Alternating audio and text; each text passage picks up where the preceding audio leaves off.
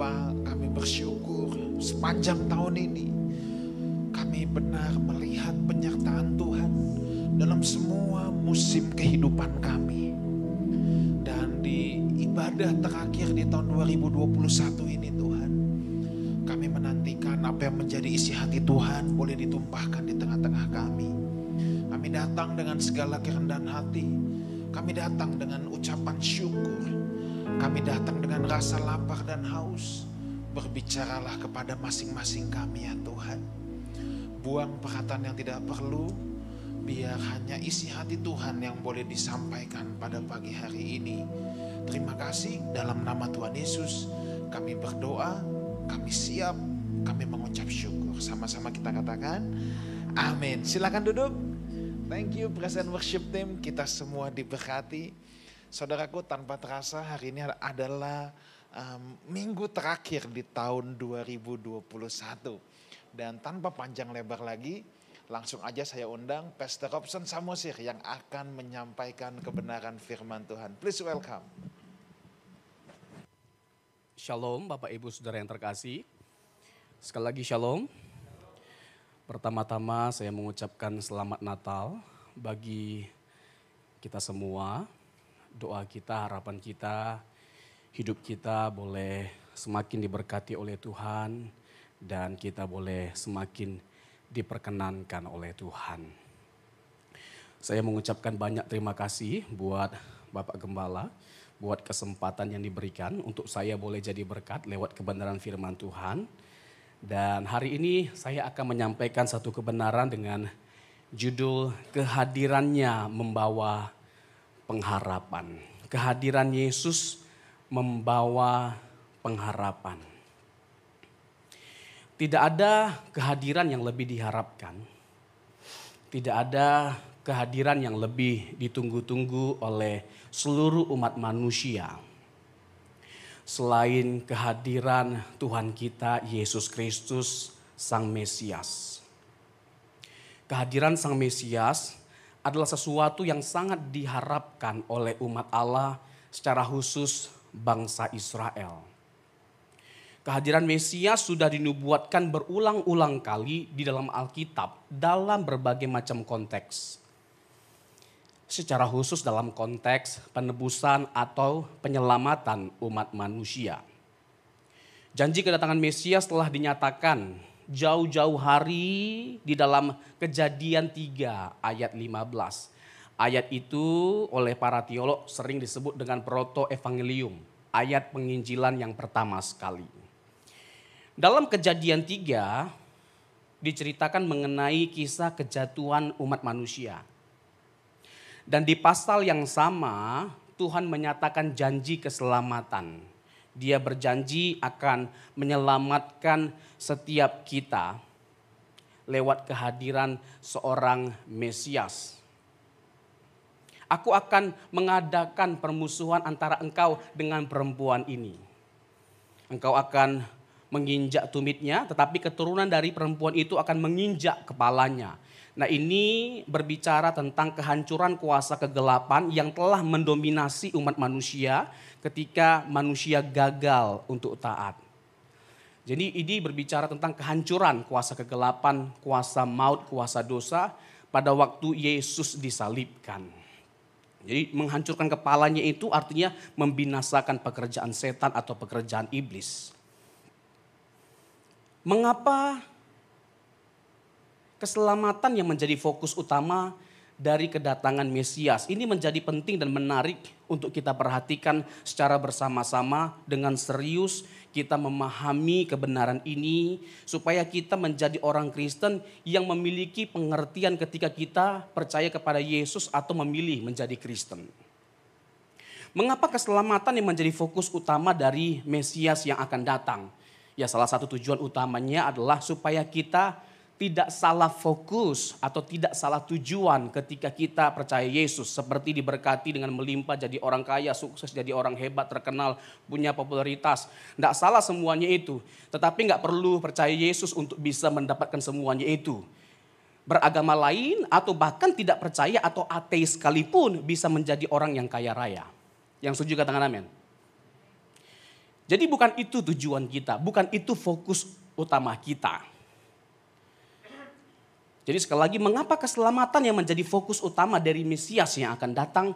Karena keselamatan itu berbicara tentang lepasnya manusia dari keterikatan akan dosa dan konsekuensi dosa yaitu terpisahnya manusia dari Allah selama-lamanya. Tidak ada masalah yang begitu merusak menghancurkan kehidupan umat manusia selain dosa. Dosa itu bukan hanya sekedar pelanggaran hukum atau aturan-aturan yang sudah ditetapkan oleh Allah. Tetapi dosa itu merusak menghancurkan hubungan antara manusia dengan Allah dan membuat manusia dari God sentris menjadi egosentris. Manusia berpusat pada dirinya sendiri. Nah, ini bahayanya. Ketika manusia mulai berpusat pada dirinya sendiri, dia mencoba untuk mendeskripsikan kebaikan, kebahagiaan menurut hikmatnya, menurut pikirannya. Dan ini sangat-sangat berbahaya sekali. Manusia tidak lagi mendengar perkataan Allah. Manusia cenderung jatuh ke dalam dosa Kejadian 6 kecenderungan hati manusia adalah membuahkan kejahatan semata-mata. Nah itu keadaan manusia setelah manusia jatuh ke dalam dosa. Ada satu lagu dunia, ini lagu dunia tapi alkitabiah sekali. Menggambarkan keadaan manusia secara alkitabiah setelah jatuh. Aku terjatuh dan tak bisa bangkit lagi. Aku tenggelam dalam lautan luka dalam. Ini tepuk tangannya untuk apa? Itu lagu dunia tapi menggambarkan keadaan manusia dengan tepat ketika jatuh. Manusia nggak bisa bangkit. Kecenderungan manusia itu adalah membuahkan kejahatan semata-mata, berbuat dosa terus-menerus. Dan tidak ada yang bisa melepaskan kita dari keterikatan akan dosa. Dan itu berbahaya sekali. Tidak ada yang bisa melepaskan kita selain Allah sendiri. Jadi sekali lagi karena keselamatan itu berbicara tentang lepasnya manusia dari keterikatan dosa dan konsekuensi dosa yaitu terpisahnya kita dari Allah selama-lamanya. Dan tidak ada yang lebih mengerikan selain terpisah dari Allah selama-lamanya. Karena yang ada hanyalah kebinasaan ketika kita hidup tanpa Allah. Itu adalah sesuatu yang mengerikan. Karena itu sesuatu yang mengerikan dan manusia tidak tahan menanggungnya. Makanya Allah tidak tega melihat manusia. Allah membuktikan bahwa dia adalah kasih dan kasihnya itu sempurna dengan menyelamatkan setiap kita. Enggak wajib bagi Allah untuk menyelamatkan kita. Yang ada adalah wajib untuk menghukum kita. Karena kita telah jatuh atau bersalah. Enggak wajib bagi Allah untuk menyelamatkan kita. Tapi terbukti benar Allah itu sungguh mengasihi kita dan kasihnya itu sempurna bagi setiap kita. Karena dia menyatakan pertolongan, janji keselamatan bagi setiap kita. Dan tidak kurang cinta Tuhan, kasih Tuhan bagi setiap kita. Hanya karena doa kita nggak dijawab. Siapa di sini yang punya doa dan harapan di tahun 2022 ada? Ini nggak ada, ada orang di sini. Ada kan? Tapi jangan pernah kecewa dan putus asa atau marah, kesal, bahkan meninggalkan Tuhan hanya karena harapan kita itu tidak dijawab oleh Tuhan. Karena bukan bukan kurang cinta Tuhan, kasih Tuhan, perhatian Tuhan bagi setiap kita hanya karena doa kita nggak dijawab. Sebab kasih Tuhan telah terbukti secara sempurna 2000 tahun yang lalu melalui karya salib. Yang setuju katakan amin. Salibnya adalah bukti bahwa dia mengasihi kita dengan sempurna. Kebaikannya sempurna. Jangankan Bapak Ibu, saya juga sebagai hamba Tuhan banyak pengharapan banyak doa permohonan kepada Tuhan.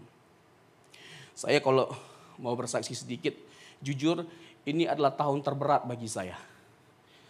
Ini adalah tahun terberat bagi keluarga saya karena kepergian abang saya.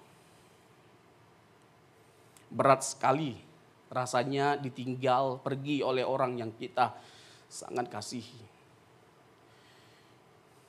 Berat sekali Ternyata jadi hamba Tuhan, jadi pendeta nggak jadi jaminan atau secara otomatis membuat kita jadi kuat. Ternyata tidak.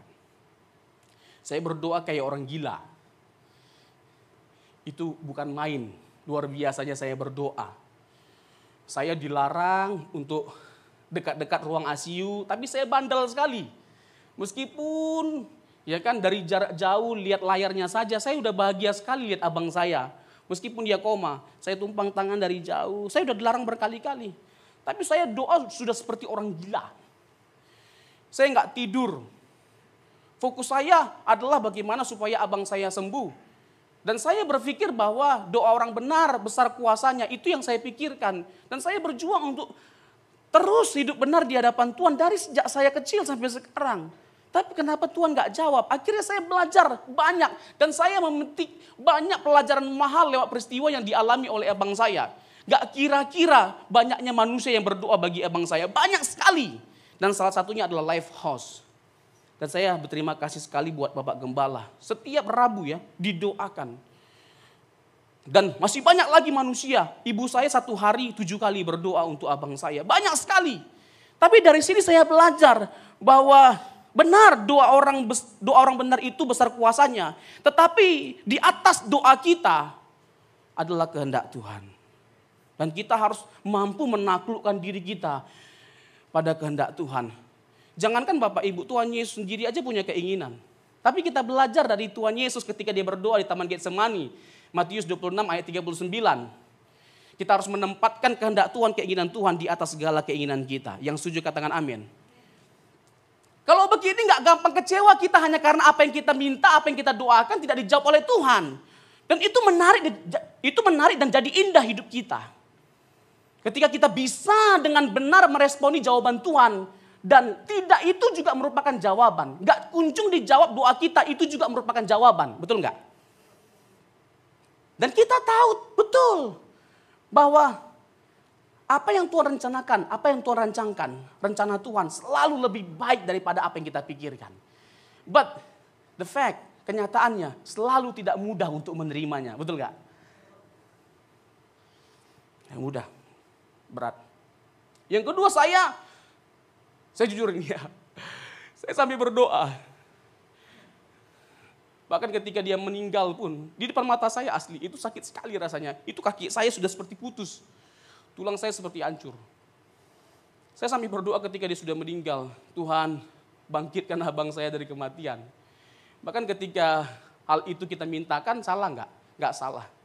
Tetapi ketika Tuhan tidak jawab, jangan kecewa. Ah, ketika kita mampu menerima jawaban Tuhan, nah, di situlah terbukti kedewasaan rohani kita. Amin. Saya sempat berdoa begini, Tuhan biarlah abang saya jadi saksi dari kebesaran kuasa Tuhan, kedahsyatan kuasa Tuhan. Biarlah abang saya jadi saksi dengan Tuhan menyatakan mujizat kesembuhan bagi abang saya. Aduh luar biasa sekali nanti abang saya ini ketika Tuhan sembuhkan dia. Akhirnya saya berpikir ketika dia sudah meninggal, saya berpikir dan ini mahal sekali pelajaran yang Tuhan kasih sama saya. Apakah harus dengan sembuh dulu baru jadi saksi? Apakah harus mengalami kesembuhan atau mujizat dulu baru jadi saksi? Seharusnya tidak. Sekalipun kita sakit-sakitan, bahkan tidak disembuhkan oleh Tuhan, seharusnya kita bisa bersaksi dengan kita tetap bertahan dalam penderitaan kita. Dan bertahannya kita dalam penderitaan kita, bertahannya kita dalam penderitaan kita, itu adalah sebuah kesaksian dan satu case di mana kita mempermuliakan nama Tuhan, di mana tidak sedikit pun ada kekecewaan yang kita nyatakan, kita lontarkan dari bibir kita kepada Tuhan, gak sedikit pun kita marah kepada Tuhan karena kita tahu memang pada akhirnya kita akan mati. Tinggal tunggu giliran kita ini semua antri, Pak. Betul enggak? Dan kita tahu betul tidak ada kehidupan yang lebih indah selain di sorga.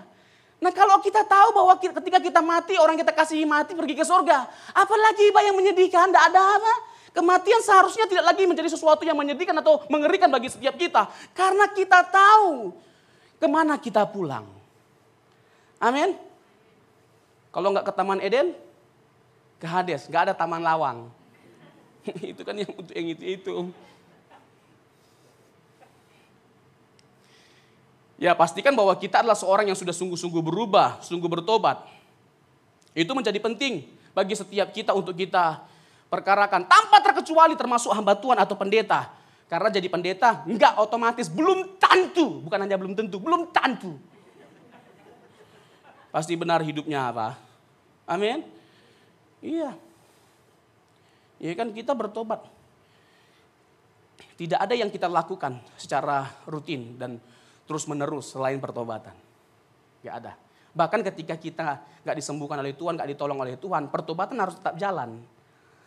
Ketika kita sakit, kita nggak disembuhkan, bukan berarti tidak ada berkat. Ketika kita sakit, dalam sakitnya kita, kita semakin mencintai Tuhan, mengasihi Tuhan, dekat dengan Tuhan, mengenal Tuhan, itu berkat. Nggak ada yang amin. Amin. Itu berkat. Betul nggak? Waktu Ayub mengalami pencobaan penderitaan yang begitu mengerikan.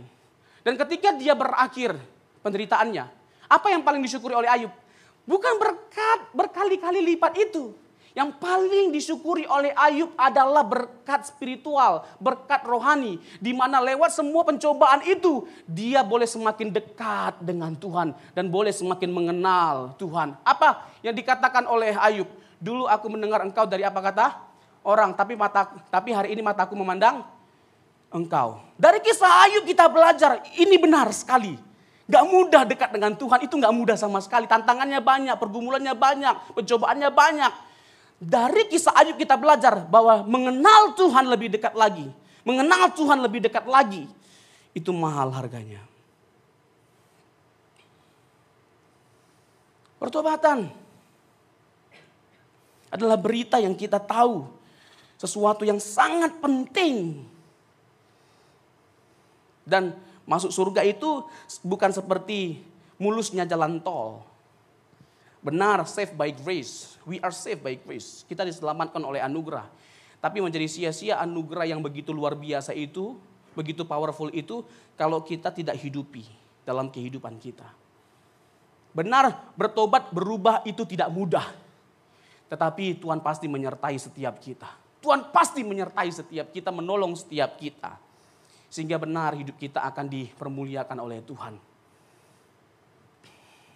Saya hamba Tuhan, saya masih Buddha, bukan bermaksud untuk menggurui. Tapi sama-sama kita belajar, kita berjuang, menasihati, menegur, memotivasi, mendorong satu sama lain. Itulah indahnya kehidupan kita sebagai orang percaya. Amin. Bukan saling menjatuhkan, bukan saling menghakimi. Saling mendorong. Kalau ada yang jatuh, mari kita angkat, mari kita dukung. Mari kita motivasi. Kita tinggalkan segala sesuatu yang tidak berkenan di hadapan Tuhan.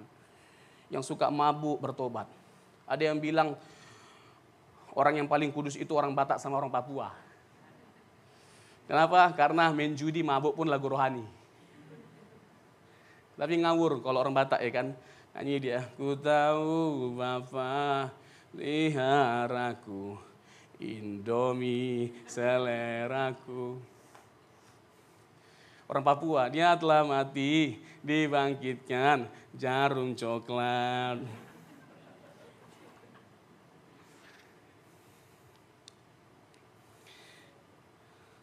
Pengharapan menjadi bagian yang sangat penting dalam perjalanan kehidupan kita selama kita ada di dunia ini. Kehilangan harapan bisa membuat seseorang putus asa, hilang arah, dan hidup tidak menentu. Kehidupan yang sulit, keadaan yang sukar, seperti di masa pandemi ini, sangat bisa membuat kita tertekan, stres, depresi, terintimidasi, dan bahkan melakukan banyak hal yang tidak berkenan di hadapan Tuhan Orang menceraikan suami atau istrinya di masa pandemi ini hanya karena penghasilan yang tidak menentu. Hal itu terjadi. Tetapi seharusnya sebagai orang percaya kita harus tetap berpegang teguh pada pengharapan dalam kasih Kristus. Maka keadaan kita tidak akan pernah bisa tergoncangkan. Semangat kita tidak akan pernah hilang, sukacita kita tidak akan pernah hilang dengan kita tetap belajar berharap kepada Tuhan saja dan belajar untuk bersyukur, kita akan tetap kuat dan bersuka cita. Bukan bersuka cita yang membuat kita bersyukur, tapi bersyukurlah yang membuat kita bersuka cita. Amin. Bukan bersuka cita yang membuat kita bersyukur, tapi bersyukurlah yang membuat kita bersuka cita. Mari kita belajar untuk bersyukur dengan apa yang Tuhan sudah percayakan. Sudah maksimal kita melakukan sesuatu yang menjadi bagian kita, tapi hasilnya tidak sesuai dengan kita harapkan, nggak jadi masalah. Belajarlah untuk bersyukur. Supaya lagi-lagi indah hidup kita. Supaya indah hidup kita. Sukar hidup kita, kecewa kita, hancur kita, itu karena apa? Karena tidak bisa apa kita belajar bersyukur dalam semua keadaan. Sementara Alkitab sudah menegaskan belajar untuk bersyukur dalam segala segala hal. Bersuka cita dalam segala hal. Dari Rasul Paulus kita belajar banyak. Filipi 4 ayat 4 Dia berkata, bersukacitalah. Sekali lagi katakan bersukacitalah dalam segala hal. Paulus itu menuliskan surat Filipi, tahu nggak di mana? Di penjara. Di penjara loh, dalam keadaan dia di penjara, dihukum, dipukul, mampu mampu loh. Rasul yang satu ini bersyukur dan bersuka cita. Itu luar biasa. Nah itu menjadi pelajaran yang mahal buat setiap kita. Sekalipun kita tertekan, terintimidasi, mari kita tetap belajar untuk bersyukur dan bersuka cita.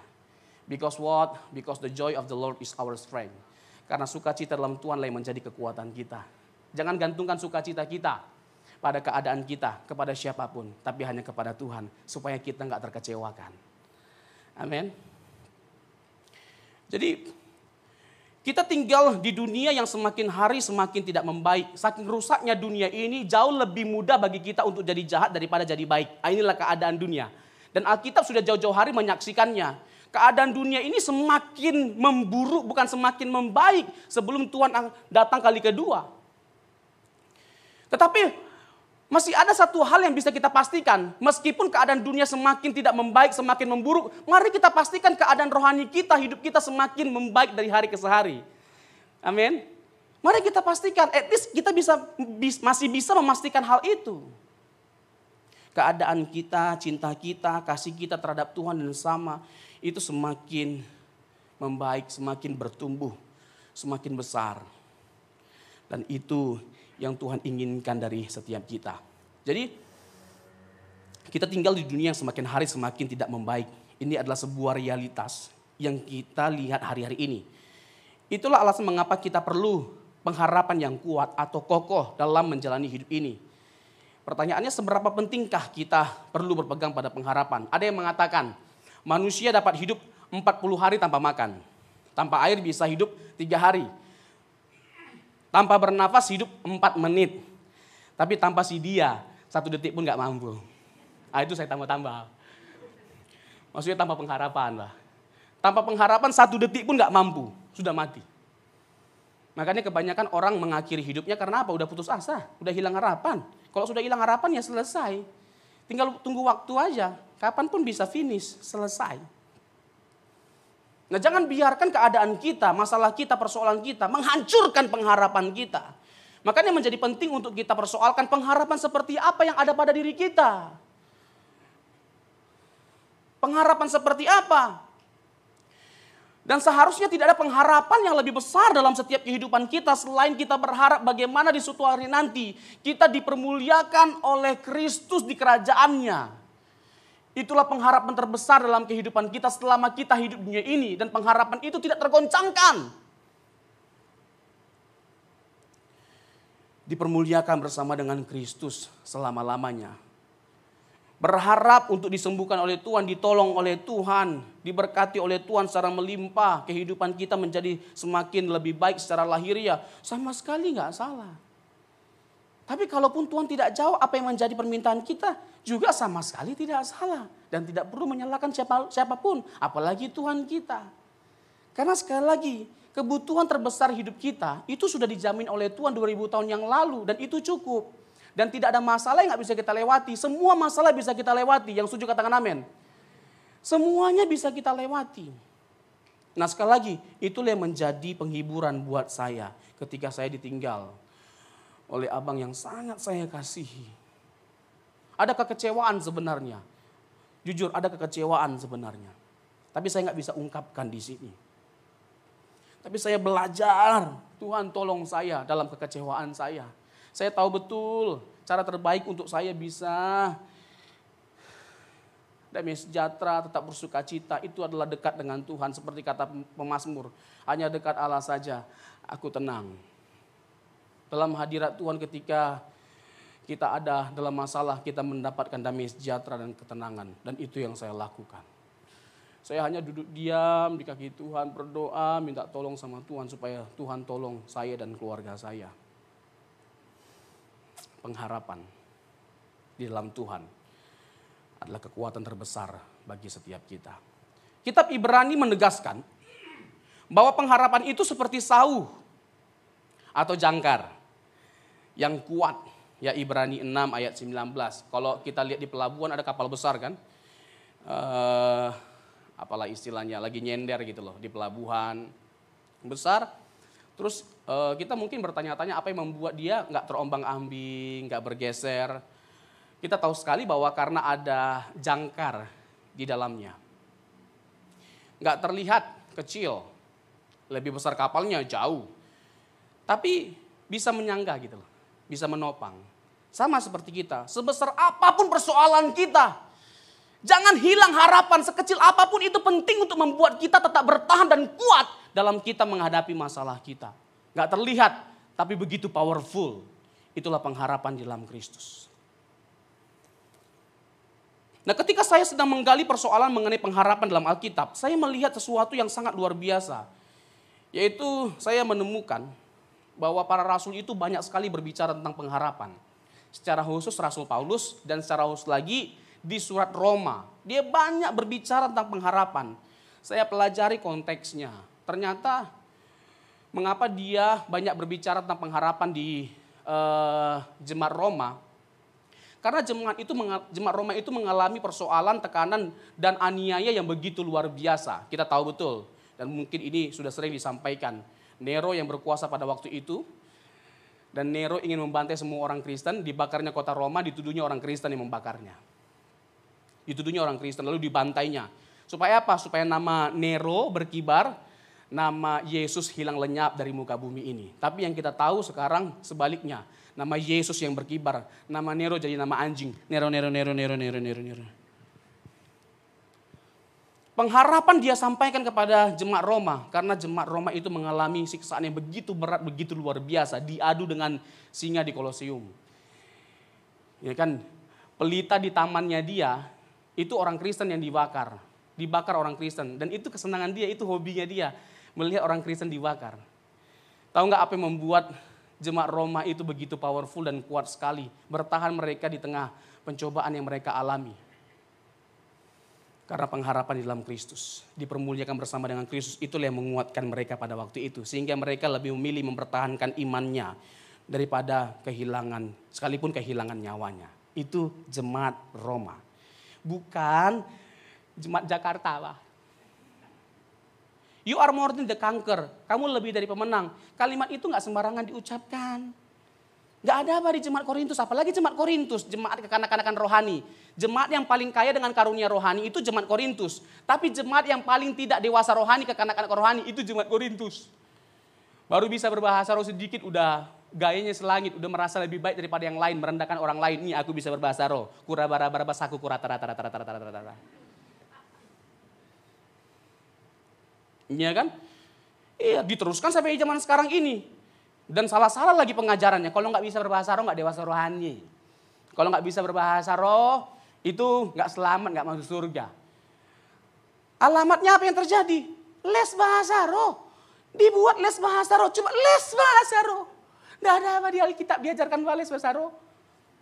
Katakan dada dada dada dada dada dada. Katakan di di di di di di di digabungkan dadi dada di dada dadi dada. Jangan ada yang berkecil hati ya, kecut hatinya hanya karena, hanya karena nggak bisa berbahasa roh. Meskipun kita Pentakosta, nggak jadi jaminan itu. Untuk apa kita bisa berbahasa roh tapi nggak menghasilkan buah roh? Nggak ada kasih, nggak ada penguasaan diri untuk apa? Useless, sia-sia. Buah roh itu lebih penting. Jangan berburu bahasa roh, berburu buah roh. Mati-matian kita bagaimana kita berjuang. Hidup dalam kasih, sukacita, keadilan, kemurahan, kelemah lembutan, penguasaan diri yang terakhir. Itu yang paling penting. Ini sekarang bahasa roh yang diutamakan dalam ibadah pun bahasa roh. Baru sampai langsung bahasa roh. Di, di, di, di, di. Baru sampai balata sekali. Ya kan terus bahasa rohnya sama lagi, laba-laba di depan laba-laba sampai belakang laba-laba. Jadi Spider-Man bah ruangannya. Semuanya laba-laba. Saya bukan anti bahasa roh, saya bahasa roh, Pak. Tapi nggak dikit-dikit bahasa roh kayak orang lata. Tak perlu, nggak usah. Amin. Nah, sampai lupa saya di mana dari konteks yang mau saya sampaikan.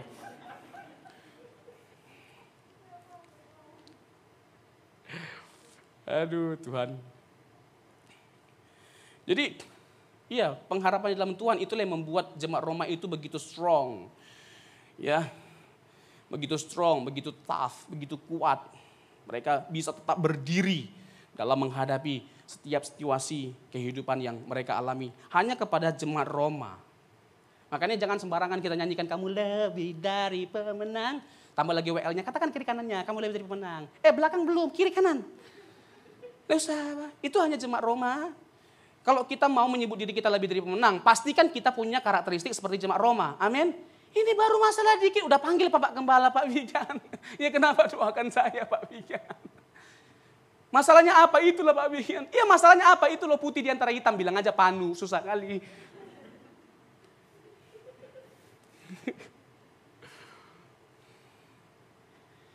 Kita juga punya kuasa, kita orang percaya. Sama apa? Sama.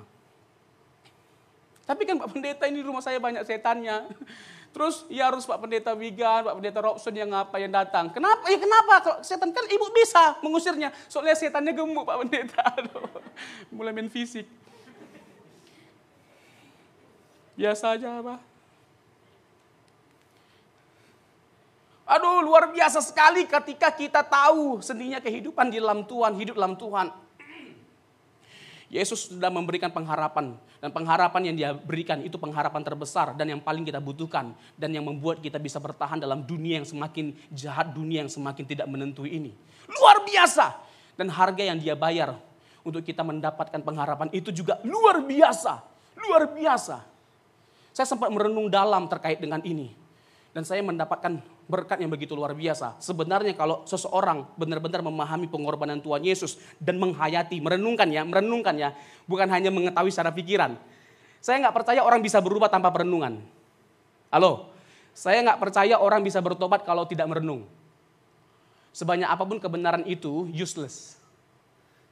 Ya kan? Berhenti kita menggali, mengikuti PA kalau hanya sekedar untuk menambah wawasan supaya kita bisa berdebat yang ada nanti kita jadi orang yang tajam dalam berdiskusi tapi tumpul dalam bertindak. bertindak. Jangan sampai hal itu terjadi. Kita harus merenungkan. Saya merenung dalam, nggak tunggu, nggak tunggu Yesus di atas kayu salib untuk saya terkagum. Ketika dia memilih untuk menyelamatkan kita dengan menjelma menjadi manusia dan mengalami proses natural, itu luar biasa. Luar biasa. Bayangkan, bayangkan Sembilan bulan di dalam perut. Sembilan bulan. Enggak gitu Pak Pendeta, enggak mungkin. Dia, kalau kan Tuhan Yesus kan Tuhan, dia maha kuasa. Enggak sampai sembilan bulan, empat bulan, lima bulan Pak. Kalau begitu Yesus prematur Pak. Lagunya berubah, Yesus juru selamat lahir prematur. Bukan di Yerusalem. Waktunya udah habis Pak. Luar biasa. Enggak tunggu disalibkan dengan dia dalam perut wanita. Sembilan bulan. Itu sudah luar biasa. Dan akhirnya dia dihukum, dia disiksa oleh orang yang dia kasih. Yohanes 1 ayat 11, aku datang kepada umat kepunyaanku, tapi umat kepunyaanku menolak aku. Mengerikan. Jadi pengharapan apa yang ada di dalam Kristus? Pengharapan apa yang ada di dalam Kristus yang bisa kita peroleh? Yang pertama yang terbesar, pengharapan untuk diselamatkan. Tidak ada pengharapan yang lebih besar bagi setiap kita selain bagaimana supaya kita bisa diselamatkan. Dan hanya Yesus yang bisa menyelamatkan setiap kita dan tidak ada yang lain. Dan sudah tepat kita memilih untuk percaya Yesus. Hanya dia yang bisa membawa kita ke surga. Hanya pribadi yang dari surga yang bisa membawa kita ke surga. Pribadi yang tidak dari surga tidak bisa membawa kita ke surga. Amin. Dan hanya ada satu pribadi yang berasal dari surga, yaitu Tuhan Yesus. Untuk itu hanya dia yang bisa berhak mengklaim untuk membawa kita ke surga. I am the way, the truth, and the life. No one come to the Father except by me. Akulah jalan kebenaran dan hidup. Tidak seorang pun yang sampai kepada Allah Bapa. Kalau tidak, melalui aku. Tidak ada yang lain. Hanya Yesus. Hanya dia yang bisa menyelamatkan setiap kita. Yang kedua pengharapan apa? Akan disembuhkan. Berhak kita. Berdoalah. Miliki iman, percaya. Dalam segala sesuatu yang kita anggap mustahil, gak ada yang mustahil bagi Allah. Dalam hal apa pun, gak ada yang mustahil bagi Allah. Amin. Disembuhkan secara jasmani maupun secara rohani. Kalau kita merasa bahwa kita telah melakukan banyak kesalahan, pelanggaran, dan dosa, jangan berkecil hati dan jangan terintimidasi seakan-akan kita nggak bisa diterima oleh Tuhan lagi. Sebesar-besarnya kesalahan dan dosa yang kita lakukan, jauh lebih besar kasih karunia Tuhan. Amin. Tapi jangan pernah minta ampun kepada Tuhan. Kalau tidak ada keseriusan untuk bertobat atau berubah, sebab kita hanya akan mempermainkan kasih karunia Tuhan. Hmm, Aminnya cius ini? Jangan minta ampun. Jadi ketika kita menyatakan pengampunan, Tuhan ampuni aku. Tuhan pasti ampuni. Tapi kalau nggak serius, jangan minta ampun. Sebab kita hanya akan mempermainkan kasih karunia Tuhan. Yang ketiga pengharapan akan pertolongan. Tuhan memberikan bagi mereka pengharapan. Ya bagi setiap kita pengharapan yang putus asa, yang hilang harapan, yang hidupnya tidak menentu, kehilangan arah tanpa tujuan. Tuhan berikan kita pertolongan. Tuhan pasti menolong setiap kita. Lalu pengharapan akan pemeliharaan Allah. Percayalah, Tuhan pasti menolong setiap kita. Tuhan pasti memelihara setiap kita dengan sempurna. Saya boleh panggil pemain musik?